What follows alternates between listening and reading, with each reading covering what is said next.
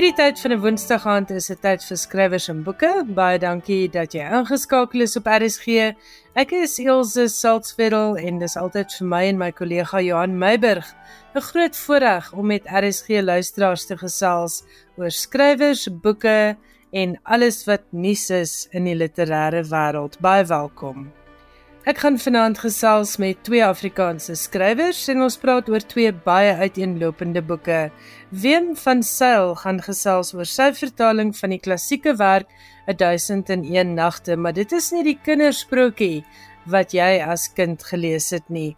Alita Foster, 'n bekende joernalis, gesels met my oor haar eerste jeugroman en in Johan Meiburg se internasionale bydrae het hy nuus oor 'n bekroning vir die komediant Bob Mortimer en dis vir Mortimer se debuutroman The Satsuma Complex. Dan het Johan ook vir ons nuus oor die finaliste van die nuwe Nero romanpryse en hy vertel meer oor die baie bekende Britse skrywer A.S. Byatt wat onlangs oorlede is. Ek hoop jy geniet vanaand se boekekuier saam met my en Johan.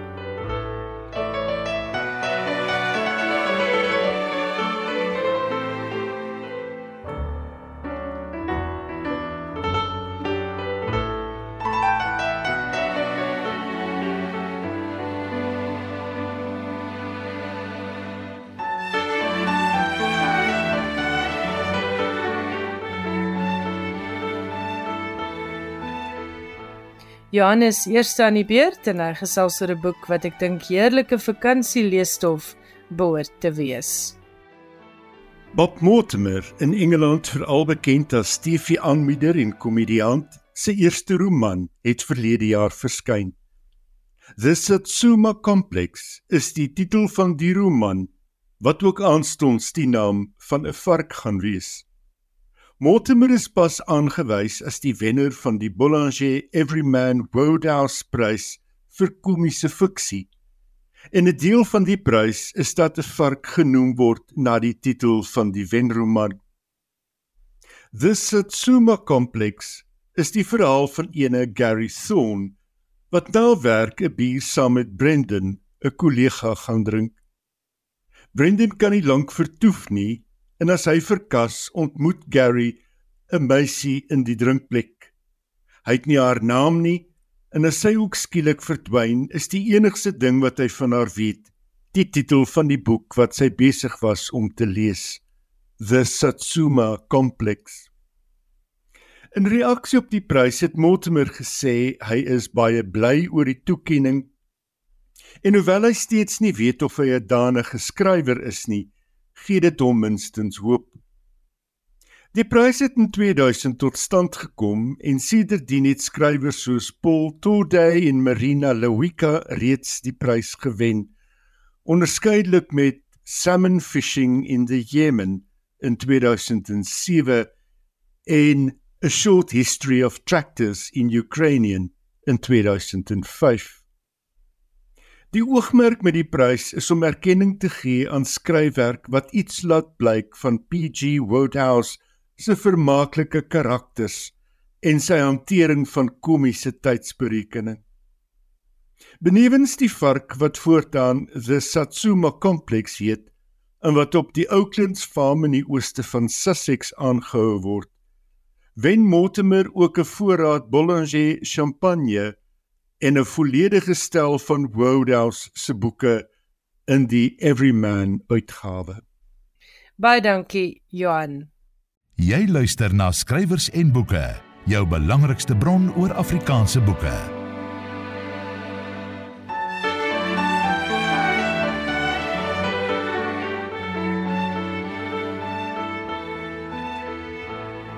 Dis die tweede keer vanaand wat ek in skrywers en boeke met professor Wim van Sail gesels en vanaand praat ons oor sy splinternuwe boek 1001 nagte en dit is 'n keur uit die verhale van Kader Abdullah. Nou ek wil net reg aan die begin sê hier daar staan ook duidelik op die boek dat hierdie volwasse leesstof is. So dit is nie die 1001 nagte wat ons as kinders as kinderverhale gelees het nie. Professor van Sail Goeienaand, baie hartlik welkom by Skrywers en Boeke. Ilse Goeienaand, dankie. Ek gaan nou die professor hierna laat vaar, maar ek wil dan ook net vir die luisteraars sê professor van Sail is 'n gerekende mens in die taalwêreld. Gee ons net 'n bietjie agtergrond oor jou werk, Wem. Ek was jare lank uh, professor by die Universiteit van Wes-Kaapland in Afrikaans en Nederlands, veral Nederlands. Goed, en ons het voorheen gepraat oor jou vertaling van Diereplaas, natuurlik die bekende uh, Animal Farm. Maar nou is daar 'n splinternuwe vertaling op die rakke van 'n baie baie indrukwekkende boek en dit is nou hierdie 1001 nagte. Vertel ons net eers so 'n bietjie die rede vir die besluit om dit te vertaal. Wat het jou gemotiveer? Dit is vir my belangrik dat 'n mens klassieke werke in Afrikaans bly vertaal. Gelukkig is ek nie die enigste een wat dit doen nie, maar dit is 'n uh, verryking van ons taal se verhaalskat deur sulke dinge by te sit by die skepende werk wat dit natuurlik plaasvind. Ek uh, vind ook vertalings as sodanig belangrik. Uh jy weet die uh, Portugese skrywer José Saramago het uh, onlangs gesê die letterkunde van 'n land en 'n taal word geskep deur sy skrywers, die wêreldletterkunde deur vertalers. Sonder vertalers kom ons skrywers nêrens. Is ons vasgekeer in ons eie taal. Dit is uh baie belangrik geweest dat Kader Abdullah hier 'n toegang geskep het tot uh, 1001 nagte tot die werklik baie oeroue vertelkuns en oeroue temas. Baie van die verhale gaan geweldig ver terug. Dit is ook vir my belangrik vir Afrikaans dat ons die ons woorde het van hierdie temas. Ook die taalgebruik, dat mens weer 'n uh, Arabiese woorde in aksie kry in Afrikaans. Dit uh, gaan natuurlik in die eerste plek dat 'n mens baie goed moet lees en Kader Abdullah is op sigself 'n buitenvoorige figuur. As vertaler beland jy hier eintlik as 'n in die rol van 'n tussenganger in kultuurverskille, maar daar is Kader Abdullah groot begeleier. Goed, jy noem hierdie uh, 1001 nagte as een jy beskryf dit ook as een van die oorbronne van die wêreldletterkunde. Wat bedoel jy daarmee? Ek bedoel daarmee dat dit in die eerste plek mondelinge letterkunde was, mondelinge verhale, verhale wat deur ongeletterdes baie baie eeue lank aan mekaar vertel is en dit gebeur ter ons op die dag van vandag dit gaan geweldig terug dat dat daai soort van vertelling van voor die geskrewe letterkunde en uh terselfdertyd is dit ook belangrik wat die vertelkuns betref. Hierdie hele versameling is opgebou deur 'n verteller sogenaamd Sherazade, 'n meisie wat in 'n posisie beland dat sy uh met 'n koning te doen kry wat eintlik teen vroue gekant is en hy slaap elke nag met 'n nuwe vrou. Hy laat mooi meisies aan voer uit sy ryk. Na die eerste nag kap hy die meisie se kop af sodat sy hom in die toekoms weer kan verneuk nie. En Sherazade beland in hierdie posisie en sy bedink 'n plan, naamlik sy vertel verhale en hy is dol op verhale en sy vertel aan die verhaal halfpad en die volgende nag sit sy dit dan voort so hy durf nie haar kop afkap nie en so hou sy op maar aan die gang vir baie baie lank vir daar ook die 1000 uh, en een verhale. Maar wat ons hier al sien in die struktuur van die verhaalkuns wat ons almal ken is die situasie met die vervolgverhaal. Waar eindige 'n vertelling? Waar eindige hoofstuk in 'n moderne roman? Dikwels op 'n punt van spanning en dan gaan jy verder. So ook tegnies gaan dit geweldig ver terug. Kader Abdullah het baie navorsing gedoen vir hierdie boek vir hom en hy wys onder andere aan dat van die temas terug te vind is in die jaar 1400 voor Christus in 'n publikasie met die naam die Avesta en hy sê eintlik kry ons hier te doen met die oorpeinsinge van die eerste mens. Hierdie verhale van my uh soos jy reg gesê het is ongesensureer. Dit is nie die kinderverhale Aladdin en Sinbad wat ons leer ken dit nie maar dit is eintlik die ware Jakob want dit was volwasse verhale. Waaroor ek nuuskierig is, is hoekom is hierdie verhale destyds as kindersprokies aangebied? Kyk, hierdie verhale het in die westerse wêreld bekend geword in uh, 1704 toe die Franse skrywer eintlik nie 'n skrywer nie, hy was 'n kundige Arabiese kundige oor die oosterse wêreld of die Midde-Ooste, Antoine Galant. Hy het op die spoor gekom van hierdie verhale en self 'n enorme versameling bymekaar gemaak. En dit is uiteindelik gepubliseer in Frans onder die titel 1001 nagte. En uh, dit het 'n uh, geweldige opspraak in die literêre wêreld gehad en uit hierdie verhale het mense dan kinderverhale gaan abstraheer. Dit wil sê die uh, ongemaklikhede wat as dit by kinders kom is weggehaal, maar dit is 'n baie mooi vervalsing. Mense is dankbaar daaroor en die grootste deel van die wêreld ken hierdie verhale of sommige van die verhale alleen maar as kinderverhale. Na sy versameling is dit ook in Engels vertaal en al die belangrike tale van die wêreld in Nederlands het dit al lankal heelwat meer vertalings het al plaasgevind. Dit word telkens weer oorvertaal die oorspronklike, maar die oorspronklike is eintlik maar vir die volwasse liefhebbers. Dit is wat ons hier probeer gee. Jare ja. Goed, het jy op Kader Abdullah se weergawe afgekom? Ek ken Kader Abdullah al heel lank. Hy's 'n baie interessante figuur. Hy uh, is 'n bandeling uit Iran wat uh, 'n Nederlandse skrywer geword het en uh, hy is met 'n woordfees 20 jaar gelede het hy my onlangs gesê het hy die eerste keer Suid-Afrika toe gekom en ek het hom ontmoet en ek het hom ook begelei rondgelei en onder andere het ons uh, arbeidsgenot die huis van C.J. Langehof in, in Oudtshoorn besoek en daar sien hy toe daar staan 'n kussie waarin die uh, oorspronklike manuskrip van Langehoven se vertaling van Omar Khayyam se verse gehou word. En hy wou dit sien, daai kussie is oopgemaak en wat in daai kussie was is ook baie besonder. Ek het hom onlangs toe hy met die bekendstelling van die boek was, het ek en hy weer Oudtshoorn toe gegaan en die kussie is weer oopgemaak en ek die keer gesorg dat daar 'n baie mooi foto van hom geneem is deur die Oudtshoorn se koerant. Maar uh, mens kry onmiddellik die verbintenis tussen 'n uh, moderne Persiese skrywer of moderne Persiese literatuur en 'n vroeë poging in Afrikaans om die Persiese literatuur toegang te gee tot die Afrikaanse letterkunde. En uh, dit is vir my ook hier van belang dat hier baie besondere skrywer dat ons 'n verbintenis kry met hom. Toe hierdie boek vir hom pas verskyn het, het hy vir my dit laat weet en ek het gesien hier is ook die kans om Kader Abdullah te laat toetree tot die Afrikaanse wêreld hy self baie lief vir Suid-Afrika. Hy praat Nederlands. Dis een van sy tale. Maar hy sê hy hy woon in Nederland en daar loop die riviere langsaam en rustig, maar toe hy Suid-Afrika kom, toe sien hy maar hier het jy riviere wat kabbelend en soms baie wild stroom. Hy voel baie meer tuis in ons omgewing wat die natuur betref. Dis interessant.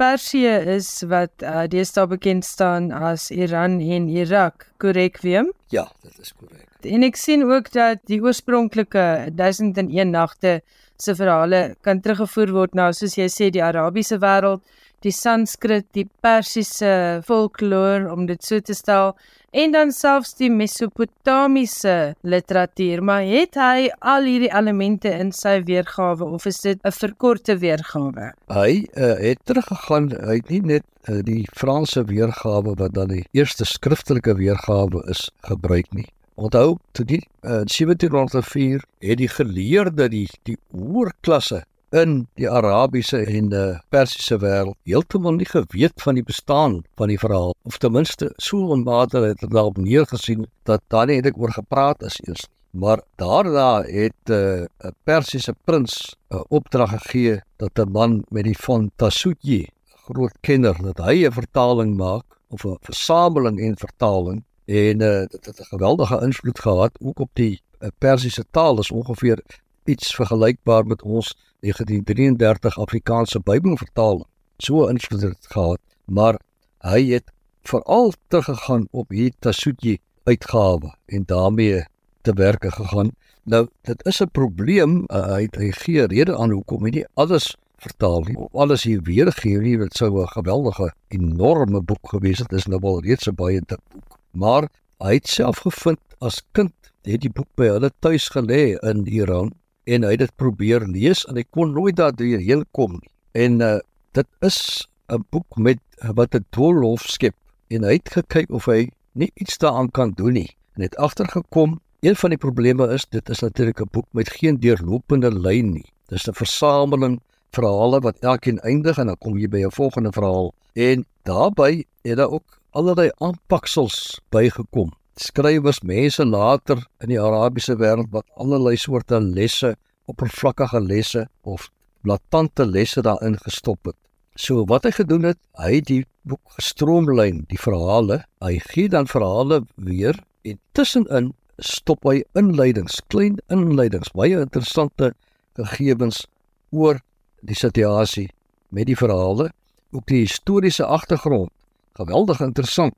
In van die verhale tree die groot kalif Harun al-Rashid op, Harun al-Rashid en uh, hy word aangebied as 'n geliefde man, maar die werklike geskiedenis is dat hy 'n Arabiese onderdrukker was van die Perse en hulle het hom eintlik gehaat. So 'n mens kry 'n bietjie 'n politieke agtergrond, jy kry ekstra diepte daarbey. Hy bespreek ook ander ander verskynsels soos die begrip die lot. Die lot van 'n mens is hier geweldig belangrik naas die rol van God. En die lot kom daarop neer dat 'n mens, die individu, vas is in 'n netwerk met ander mense met bonatuurlike verskynsels. Jy moet jou eintlik maar oorgee aan die lot en dan hoop jy dinge sal regkom. Dit is eintlik uh, iets wat hier uit na vore kom. Was daar vir jou uitdagings met die vertaling? Daar was inderdaad uh, soos met alle vertalings eintlik uitdagings. Een van die sake is dat 'n mens eh, 'n uh, spreektaal probeer weergee aan die een kant so na moontlik daaraan en aan die ander kant in hierdie geval moet 'n eksotiese sfeer behou word en ek en my uh, redakteur het nogal baie hierso oor uh, vasgesit wat moet ons behou wat moet ons laat vaar in een geval is daar 'n geveg met 'n jin wat homself uh, in allerlei gedaantes uh, aanbied om aan te val en een daarvan is hy word ook 'n gier nou die uh, goeie Helga van Hemel en See uitgewers het gevind 'n gier is in Afrikaans 'n aasvoël en ons moet die aasvoël behou. Ek het weer gedink aan die Jean Marais se berggier daar in die dans van die reën. Nou uiteindelik het sy gewen en ek dink sy was reg. Ons het dit toe 'n aasvoël gemaak. Maar dit is die soort gevegte. Dis die hele tyd eh, ek uh, vertaal in die eerste plek baie vinnig van voor na agter, so vinnig as ek kan om my prosa 'n vaart te gee. En dan daarna begin die werk en dan tree so redakteur ek het nog 'n tweede redakteur wat eintlik alles lees wat ook kyk dat ek nie te in hierdie geval te Nederlands voel raak nie. En dan begin ons sin vir sin eintlik deurkom en kyk wat moet hier wees, hoe moet dit klink, wat is beter. Dit is 'n eintlik 'n baie groot geveg dwarsdeur en dan ook woordkeuses. Ja, jy het net nou iets geantwoord wat ek wou vra en dit is daai ding van woord vir woord vertaal, maar dit kan maklik die ritme van 'n verhaal stream omdat jy dan vasgevang raak in klein stukkies werk op 'n slag.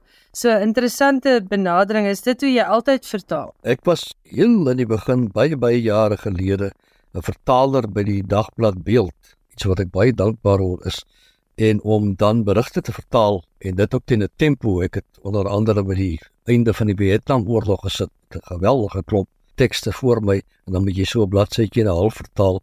So jy moet kompak leer werk maar jy moet daai die die die vaart van 'n koerantberig kan weergee en ek vind dit tog altyd leesbare prosa sonder hakplekke vir die man op straat dit is die begin maar dan dan kom die stilistiese kwessies na vore dat jy afvra waarmee het ek hier te doen wat moet ek hier aanbied Ek wil vir luisteraars sê hierdie is 'n lywige boek 414 bladsye as ek nou reg onthou So, hoe lank het dit jou geneem? Ek vergeet eintlik later altyd so iets, maar dit het minstens 2 jaar geneem. En dis nou 'n konstante vertaling of het jy tussendeur byvoorbeeld aan diereplaas gewerk? Ek het tussendeur ook aan uh, diereplaas gewerk. Goed. Wiem een van die dinge wat jy moes doen vir hierdie boek was om ook uit die Koran aan te haal en te lees. Vertel vir ons 'n bietjie daarvan en ook miskien ander uh, oorspronklike bronne waarna jy moes terugkeer. Ek uh, moes lees oor die geskiedenis van die Midde-Ooste. Ek moes lees oor die kookkuns. Ek het plekke opgesoek waar ek halfa kon proe. 'n Mens moet as jy dit iets goeds wil doen, moet jy jy tog inwerk in hierdie wêreld. Maar daar word in hierdie boek ook aangehaal uit die Koran en uh dit is 'n uh, 'n moeilike saak. Uh, ek kan nie hier sommer iemand wat nie eens Arabies ken hier om my presenteer as 'n vertaler van die uit die Koran hier uit nie. En uh, gelukkig bestaan daar in Afrikaans 'n uh, Afrikaanse vertaling van Iman Beyker uit die jare 50 en dit besit ek al baie jare. Nou ek om baie nodig gekry, maar dit is ook nie so maklik om in die Koran tekste op te spoor nie. Die moderne Bybel het allerlei teksverwysings, alles is in hoofstukke ingedeel, alles is genommer. Dit is nie so met die Koran nie. Kader Abdullah het self 'n Koran uh, vertaling, 'n populêre Koran vertaling gemaak wat in Nederlands uitgegee is en ek kon sy woorde of sy woorde in sy vertaling, sy boek terugvoer na sy Koran vertaling en daarvandaan het ek met groot worsteling uiteindelik in uh, iemand Baker se vertaling tereggekom en dit is daarom wel dan goeie Afrikaans. Ons leef in 'n tyd van groot spanning tussen wat gesien word as die tradisionele moslim wêreld en die min of meer Christelike kultuur. Ons is almal bewus van die ewige aanvalle in Gaza wat gevolg het op die uh, vreeslike aanval op 7 Oktober in Israel. Wat is die waarde van 'n boek soos 1001 nagte vir luisteraars en lesers in 'n tyd soos hierdie? Ja, dit dit jammer dat 'n mens met so 'n pynlike situasie op die agtergrond uh, te maak moet hê. Ek uh, uh, as dosent by Universiteit van Wes-Kaapland was 'n buurman van die departement Arabies. Ek is baie baie goed bevriend met uh, my Arabiese kollegas, lieflike, wonderlike mense, moreel hoogstaande. En uh, as 'n mens doen kry met sulke mense dan as jou lewenservaring raak groter en ek dink ook die lees van so 'n boek soos trouens ook ander boeke oor ander kulture maak vir jou 'n deur oop na die mens en dan kan jy dit nie meer op 'n afstand sien nie. Dit is die jou menslike simpatie word opgeskerp, jou menslike waardering en dan 'n tweede ding wat hierdie boek vir jou bied is die ou wysheid van die oosterse wêreld iets waardeur 'n mens eintlik alleen maar verwondering kan hê, waardering, begrip, nie van die direkte situasie nie, maar van die worstelende mens wat agter sulke verhale sit. En daai selfde worstelende mens is ook vandag in die werklikheid aan beide kante in die ooste aan die gang. Ek dink daar sit 'n enorme waarde vir 'n mens in, hierdie oppervlakte breek. Met ander woorde, jy praat van die filosofie. Onder andere die filosofie, maar Kader Abdullah uh, noem ook hierdie boek. Uh, hy sê dit is die dis eintlik 'n kursus in lewenservaring vir die eenvoudige mens in sy oorspronklike mondelinge vorm en dit bly dit. Ja. En 'n mens moet ook altyd onthou dat die ekstremis nie die nie die mens en die kultuur verteenwoordig waarin die ekstremis opereer nie, né? Ja, sekerlik. Ons kry ekstremiste binne die verhale hoor, maar hulle is nie die uh, heersers in die verhale nie. En uiteindelik wat sê jy sê is die oorheersende tema van hierdie verhale? Kyk, mens kry met 'n hele klomp verhale te maak op in hierdie verkorte weergawe of hierdie geselekteerde weergawe, maar ons het hier steeds te doen met die groot temas van die wêreldletterkunde: liefde, haat, skuld en belangrik die mag van seks.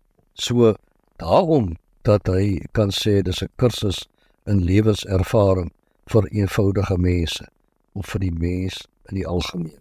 En so gesels professor Wim van Sail, ons het vanaand gepraat oor uh 1001 nagte en dit is 'n vertaling van Kader Abdullah se weergawe se Nederlandse weergawe uh van die oorspronklike 1001 nagte en soos gesê hierdie is nie 'n boek vir kinders nie dis volwasse leesstof en word uitgegee deur Hemel en See Boeke. As jy sukkel om dit in die hande te kry, gaan dood eenvoudig na hemelensee.co.za. Wien baie dankie vir jou tyd en baie dankie vir 'n waardevolle toevoeging tot die Afrikaanse letterkunde. En sê baie dankie. Johan Meiberg het nou vir ons nuus oor 'n splinter nuwe romanprys en hy vertel meer oor die vier finaliste. Kort nadat die Costa-pryse verlede jaar uit die bloute na 50 jaar geskraap is, het Café Nero vorendag gekom met 'n nuwe stel pryse wat jaarliks die beste skryfwerk in die Verenigde Koninkryk en Ierland bekroon in die genres fiksie, debuutromans, kinderboeke en nie-fiksie. Vier gedigte skrywers ding vanjaar mee om die romanprys. Die eerste skrywer, Paul Murray, is benoem vir The Bee Sting. Sy roman wat ook 'n sterk aanspraakmaker vir vanjaar se Boekerprys was. Nog 'n Ierse skrywer, Megan Nolan, is benoem vir haar tweede roman, Ordinary Human Failings. Eleanor Catton wat tevore die Boeker gewen het, se roman Burnham Wood is ook op die kortlys. En so ook Karen Powell se 15 Wild Decembers, 'n voorstelling van die Bronte gesin. Die kortlys vir die debuutprys is The Five Sorrowful Mysteries of Andy Africa deur Stephen Burrow, The New Life deur Tom Crew, Sunburn deur Chloe Michelle Howard en Close to Home deur Michael McGee. Die wenner word in Januarie aangekondig en elke kategorie wenner ontvang prysgeld van sowat R115 000 en die algehele wenner ontvang iets so R670 000. Baie dankie, Johan. Skrywers en boeke. Elke Woensdag aand tussen 8 en 9.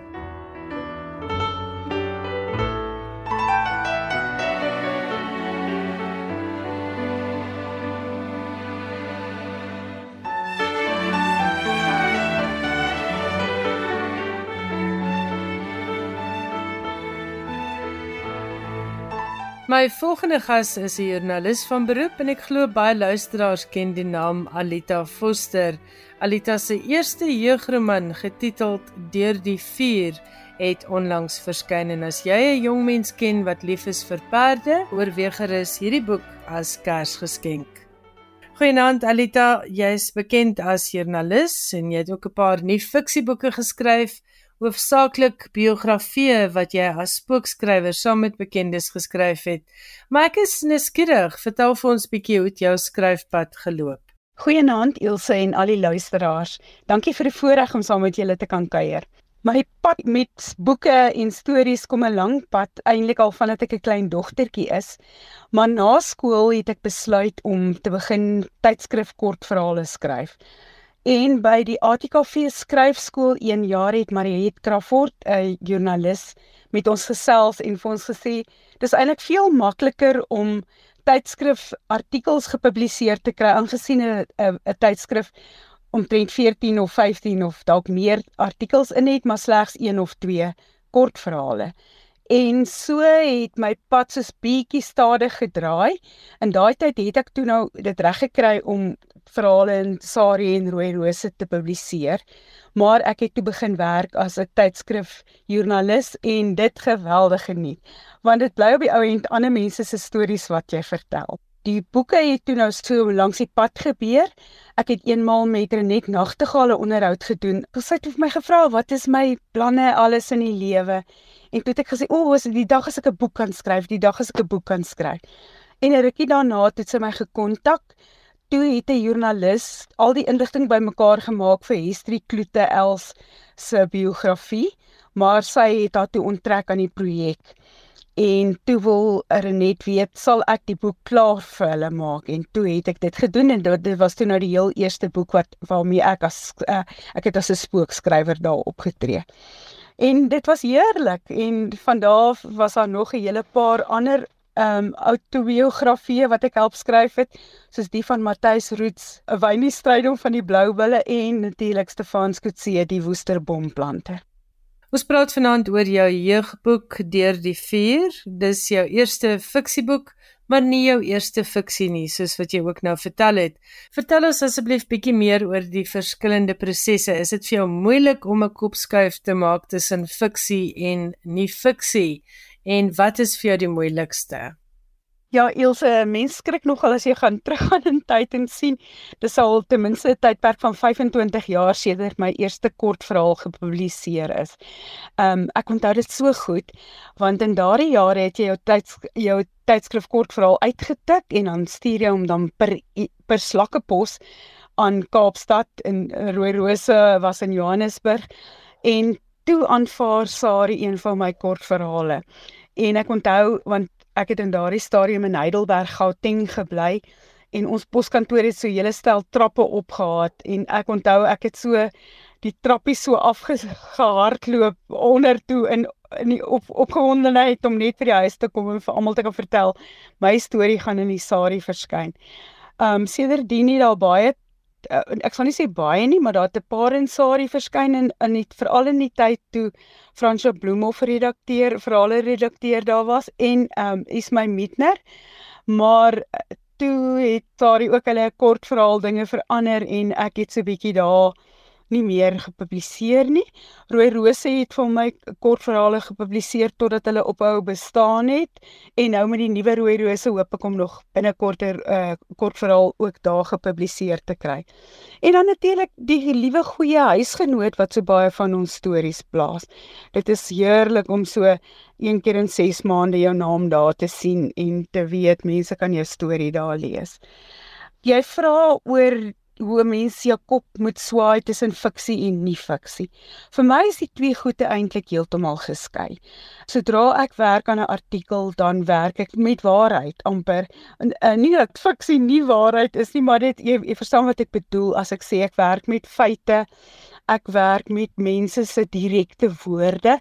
Ek het 'n vreeslike omslagtige manier om te werk. Ek gaan tik 'n hele gesprek letterlik woord vir woord en dan daaruit maak ek my artikel en so sodat as die in jou as jy gaan lees in die artikel dat Pietie Beyers het gesê hy hou niks daarvan as mense vir hom lag nie, dan het Pietie dit vir my gesê. Ja, is my niks moeilik aan fiksie nie. Fiksie gebeur eintlik vir my baie natuurlik. Ek moet net meer tyd maak om te gaan sit en fiksie te skryf. Die maklikste is natuurlik jy kan letterlik daai karakter in jou hande vat en jy kan hom buig nie as jy wil. Jy kan hom laat lyk presies soos wat jy hom wil hê hy moet lyk en natuurlik kan jy vir haar streke gee wat jy dalk nog altyd bewonder het in iemand anders of wat jy haat in iemand anders. Ek dink dit is die lekkerte om te kan so te kan speel. Deur die vuur is 'n jeugboek met perde as een van die sentrale temas en ek dink dalk kan 'n mens self sê 'n perd is 'n sentrale karakter, maar hoekom 'n boek oor perde? Ilse, ek dink as ek terugkom aarde toe sal dit as 'n perdefluisteraar wees. Perde het 'n geweldige belangrike rol in my eie lewe gespeel. Ek is deur 'n slegte egskeiding in 2005 en dit was letterlik 'n perd wat my daardeur gekry het, die genesing wat ge ek gekry het, die aanvaarding, die totale toelaat binne ander wese se spasie en ek het regtig waar net goeie dinge oor perde. Tans bly ek op Kaapse Hoop en ek dink van die luisteraars sal weet Kaapse Hoop het 'n hele kolonie wilde perde, vrylopende perde eintlik. Dit is alles nie wild nie. Ek dink daar's letterlik net een of twee kolonies op die hele aarde wat regtig wilde perde is. Hierdie is met ander woorde dit dit het iewers aan mense behoort en het vrygekom op 'n manier. En maar natuurlik van hierdie perde hier buite die omgewe buite ons dorpie is regtig wild. Hulle sal jou glad nie naby hulle toelaat nie. Miskien met 'n lang lens uh, kamera gaan jy gelukkig wees om 'n mooi foto of twee te kry. Die klomp in die dorp is engele want hulle word gevoer deur die besoekers wat ons natuurlik glad nie wil hê nie. Omdat hulle gaan staan dan in die pad, in die groot pad en en ehm um, daar word hulle doodgery. So Ons het 'n dorpstroppie tans wat so 7 perde groot is. En daar's twee klein filletjies wat albei hierdie jaar aangekom het. Ons is baie opgewonde oor hulle twee want dit is al twee klein merrietjies. En in Kaapse Hoop ongelukkig die die groter ehm um, groep perde, die jongste is oorwegend die meeste. En vir ons is elke merrie dis ekstra kosbaar. 'n uh, Mary wat so in die in die wildernis lewe, het natuurlik ook geen manier waarop sy nie gaan dragtig raak nie. En 'n Mary het maar waarskynlik elke 10 maande het sy 'n klein nuwe filletjie. En dan het sy gevra um, om oor perde self. Ek dink perde is net eenvoudig ongelooflike wesens. daar is mense wat bang is vir perde, daar is mense wat sê perde stink, maar ek het nog nie sulke mense ontmoet nie en ek hoop nie ek ontmoet hulle nie, want vir my is is, is perde net wonderlike goede en dit was vir my so lekker om Avik se storie te kon skryf. Vertel ons asseblief bietjie meer oor die boek. Waarna kan lesers uitsien? Ilse deur die vuur het wel 'n hoofkarakter wat 'n tiener is, maar hierdie boek is beslis nie net vir tienerlesers en vir jong lesers nie. Dis 'n boek vir enige een wat hou van 'n goeie storie. En kortliks in, uh, gaan hierdie oor Simon, Simon Spies. Simon maak droog, maar hy het die verkeerde pelle en ons almal weet wat is die resultate wanneer jy verkeerde maats het en dan word hy gestraf. Sy ma stuur hom na 'n perdeplaas toe vir die hele Julie vakansie. Hy kom van Stellenbosch af en die die perdeplaas is daar in die uh, daar Sedgefield se omgewing. Dan word uh, Simon gedwing om met perde te werk en hy haat perde want daar het iets in sy verlede gebeur wat die rede is hiervoor uit um, sy sussie verloor en sy pa verloor as gevolg van perde. So mense kan verstaan hoekom Simon hulle so haat. Maar op die perdeplaas ontmoet hy vir Avik. Nie natuurlik dis nou nie ontmoeting nie behalwe in die sin van hoe 'n mens met 'n dier kan kommunikeer en al besluit hy van die begin af hierdie klein perd gaan hom nie toelaat. Hy gaan nie om sy oor agter sy oor krap of hom ietsie lekker gee om te eet nie. Maar as ons weer sien, dan is dit presies wat daar gebeur.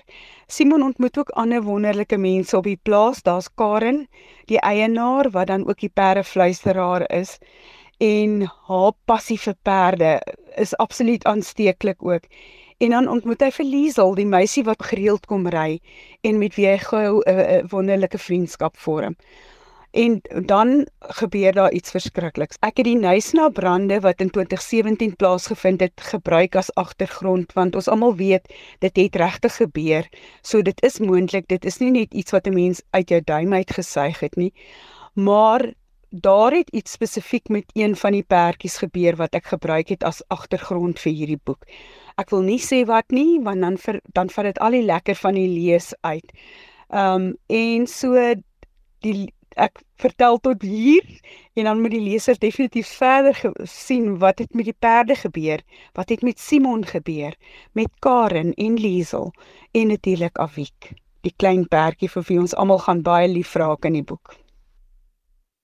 Wat se temas kom onder die loop in deur die vuur? Elsa, ek sou sê die sentrale tema in deur die vuur is hoe om deur vuur te kom.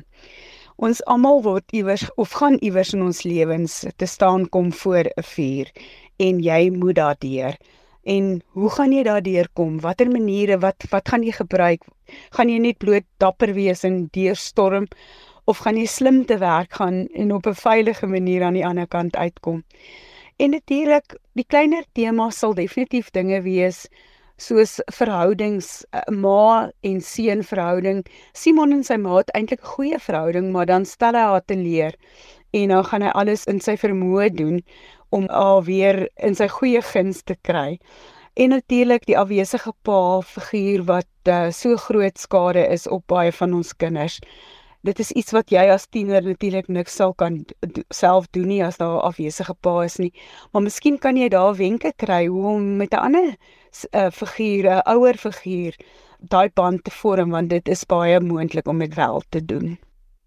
Ek dink jeugfiksie kan 'n baie moeilike genre wees om aan te pak omdat jong lesers dalk baie kritiese lesers is.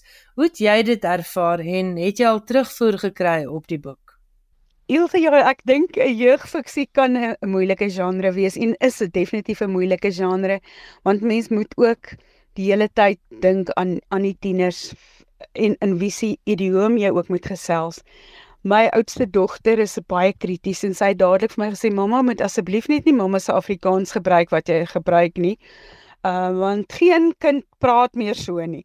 So ek het probeer om so 'n bietjie tienertaal in te sit alhoewel dit vir my baie moeilik is. Ek is nog altyd iemand wat glo aan suiwer Afrikaans, maar ek weet dit is glad nie meer hoe die gesprekke daar buite klink nie.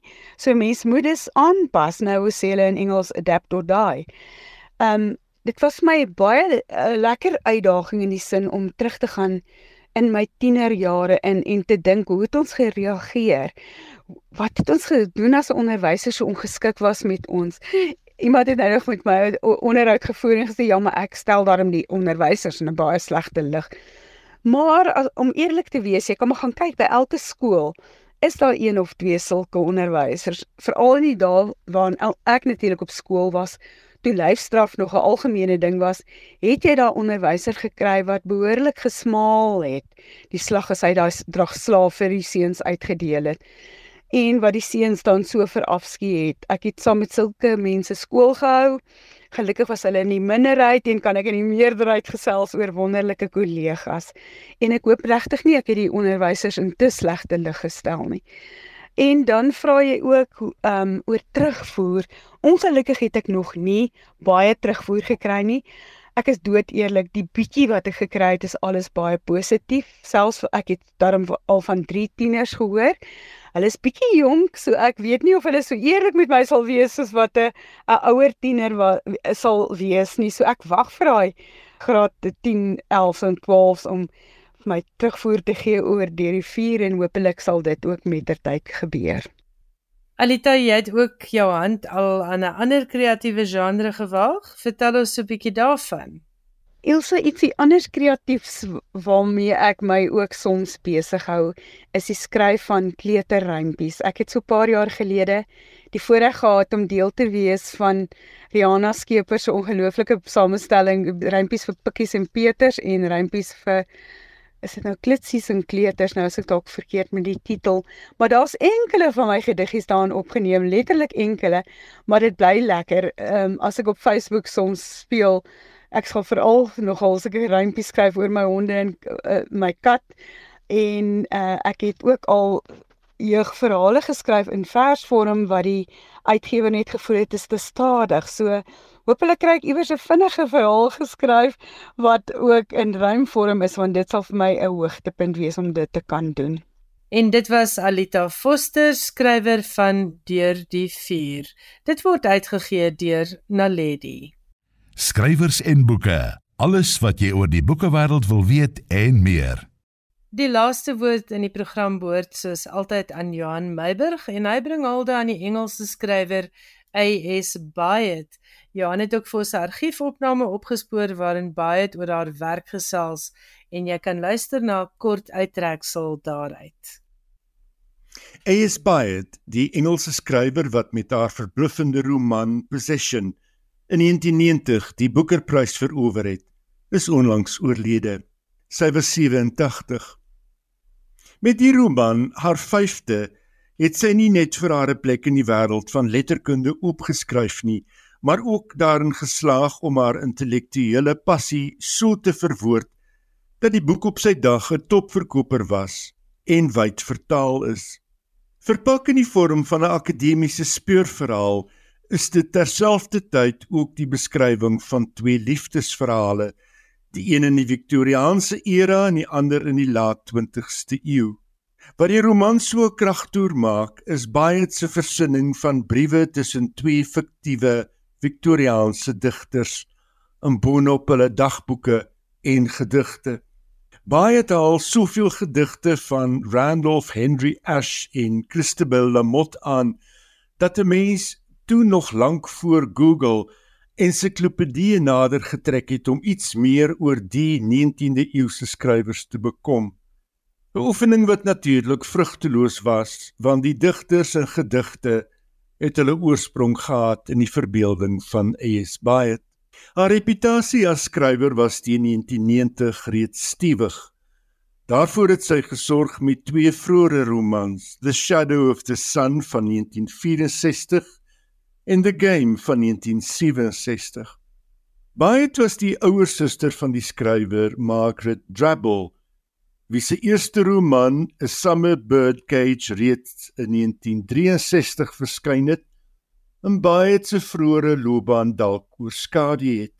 In 'n onderhoud met the Paris Review het baie gesê sy was destyds meer besorg daaroor om met haar bekender suster vergelyk te word as om 'n slegte resensie te kry. Hoewel albei susters later volgehou het dat die jarelange stram verhouding tussen hulle twee erg deur die media oordryf is, het hulle nietemin elkeen haar eie koers ingeslaan en was daar dalk min liefde verlore. Benewens romans het baie toe kortverhale geskryf en die wat 'n sterk indruk gemaak het was onder meer The Matisse Stories van 1993 en The Gin in the Nightingale's Eye van 1994. Wat 'n mens ook nie uit die oog moet verloor nie, is baie se essays en literêr kritiese skryfwerk veral oor die werk van Murdoch, maar dan ook oor Wordsworth en Coleridge. Hier is 'n gedeelte van 'n onderhoud wat Paula Morans Cohen in 2011 met A.S. Byatt gevoer het. Your name is Antonia Susan Byatt, but you use the initials A.S. And I wonder about this. Is this a 19th century thing? Well, it's later than the 19th century. It seemed to me natural at the time. People were always asking. There was T.S. Eliot. And there was D.H. Lawrence, and there was H.G. Wells, uh-huh. and our greatest detective story writer was D.L. Sayers. She published as that. So it didn't strike me as very odd, and um, I rather like it sort of, I like the idea of the impersonality of the artist, which okay. is a T.S. Eliot idea.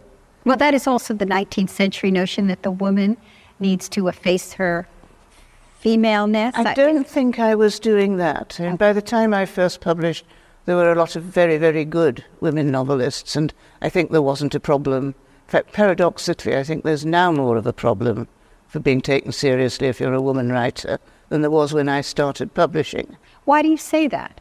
Um, this is getting me into deep water. I think literary feminism has had a bad effect on women's writing.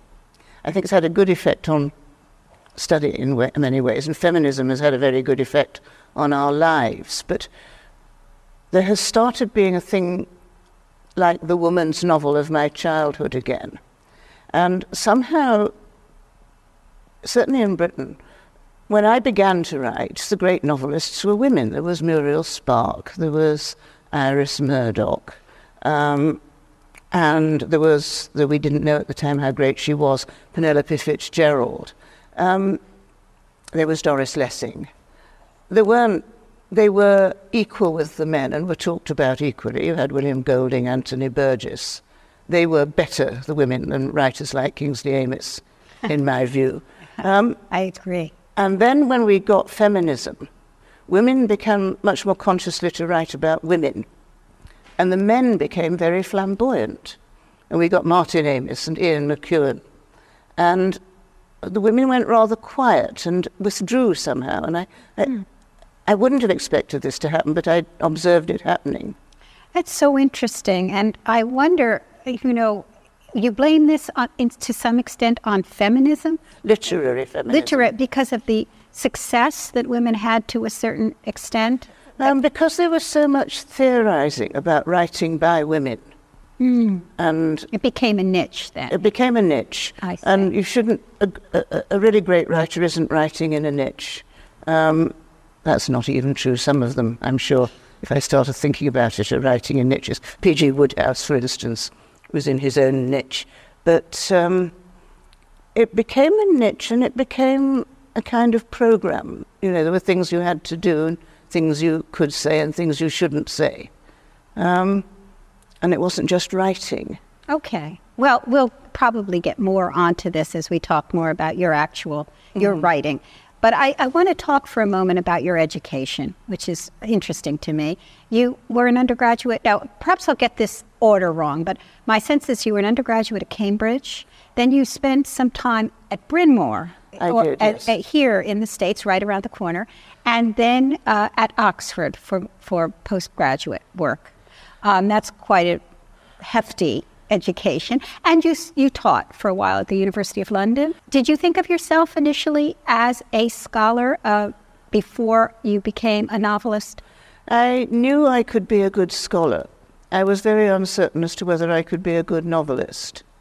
I knew I could make a living as a university teacher of some kind because, you know, I had been successful enough and I enjoyed it, and I enjoyed the scholarship, and I was rather surprised to find I intensely enjoyed teaching. But it was never my first wish or what I really wanted to do. I was never not writing a novel, even when I was a student. Ah, I see. I wrote novels all the way through lectures. I was listening to lectures and writing novels.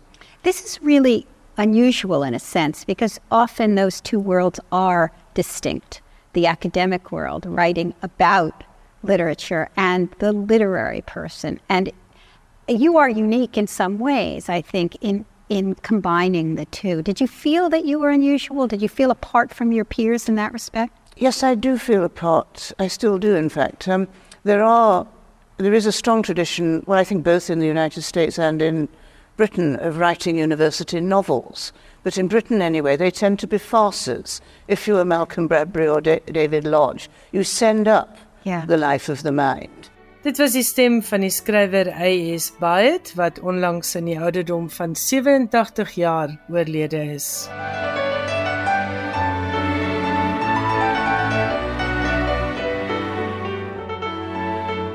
Nou moet ek ongelukkig groet, maar volgende Woensdag aand om 8:00 is ek en Johan Meiburg terug met nog boeke nuus. Ek hoop jy het 'n rustige en 'n goeie week wat op jou wag en mag jy altyd stapels lekker leesgoed byderhand hê. Totsiens.